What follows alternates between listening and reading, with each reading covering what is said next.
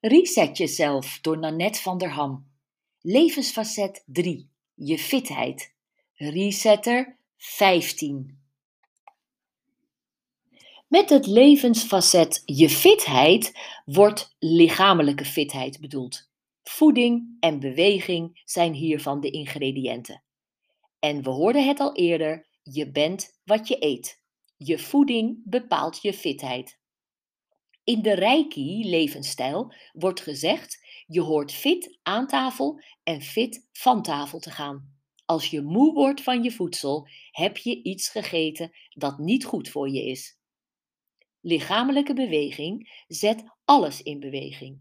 Het gelukshormoon dopamine wordt aangemaakt en dat andere hormoon dat je een natural high geeft, endorfine, komt ook vrij. Ook al kost het wat moeite om in beweging te komen, met het geluksgevoel als je beloning voel je je al snel heerlijk. Beweging schudt jou letterlijk door elkaar, doet je leven en maakt je levendig.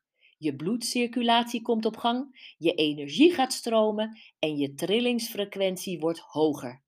Elk levend wezen in de natuur beweegt. Hoe komen wij er dan bij dat wij dat niet zouden hoeven?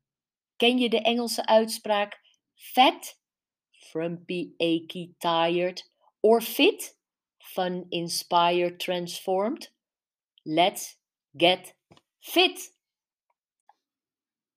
Hier komt jouw resetter 15, de laatste. Sluit je aan bij een groepje om samen aan je fitheid te werken of begin zelf een wandel, fiets, roei of zwemclub en stimuleer zo anderen en jezelf.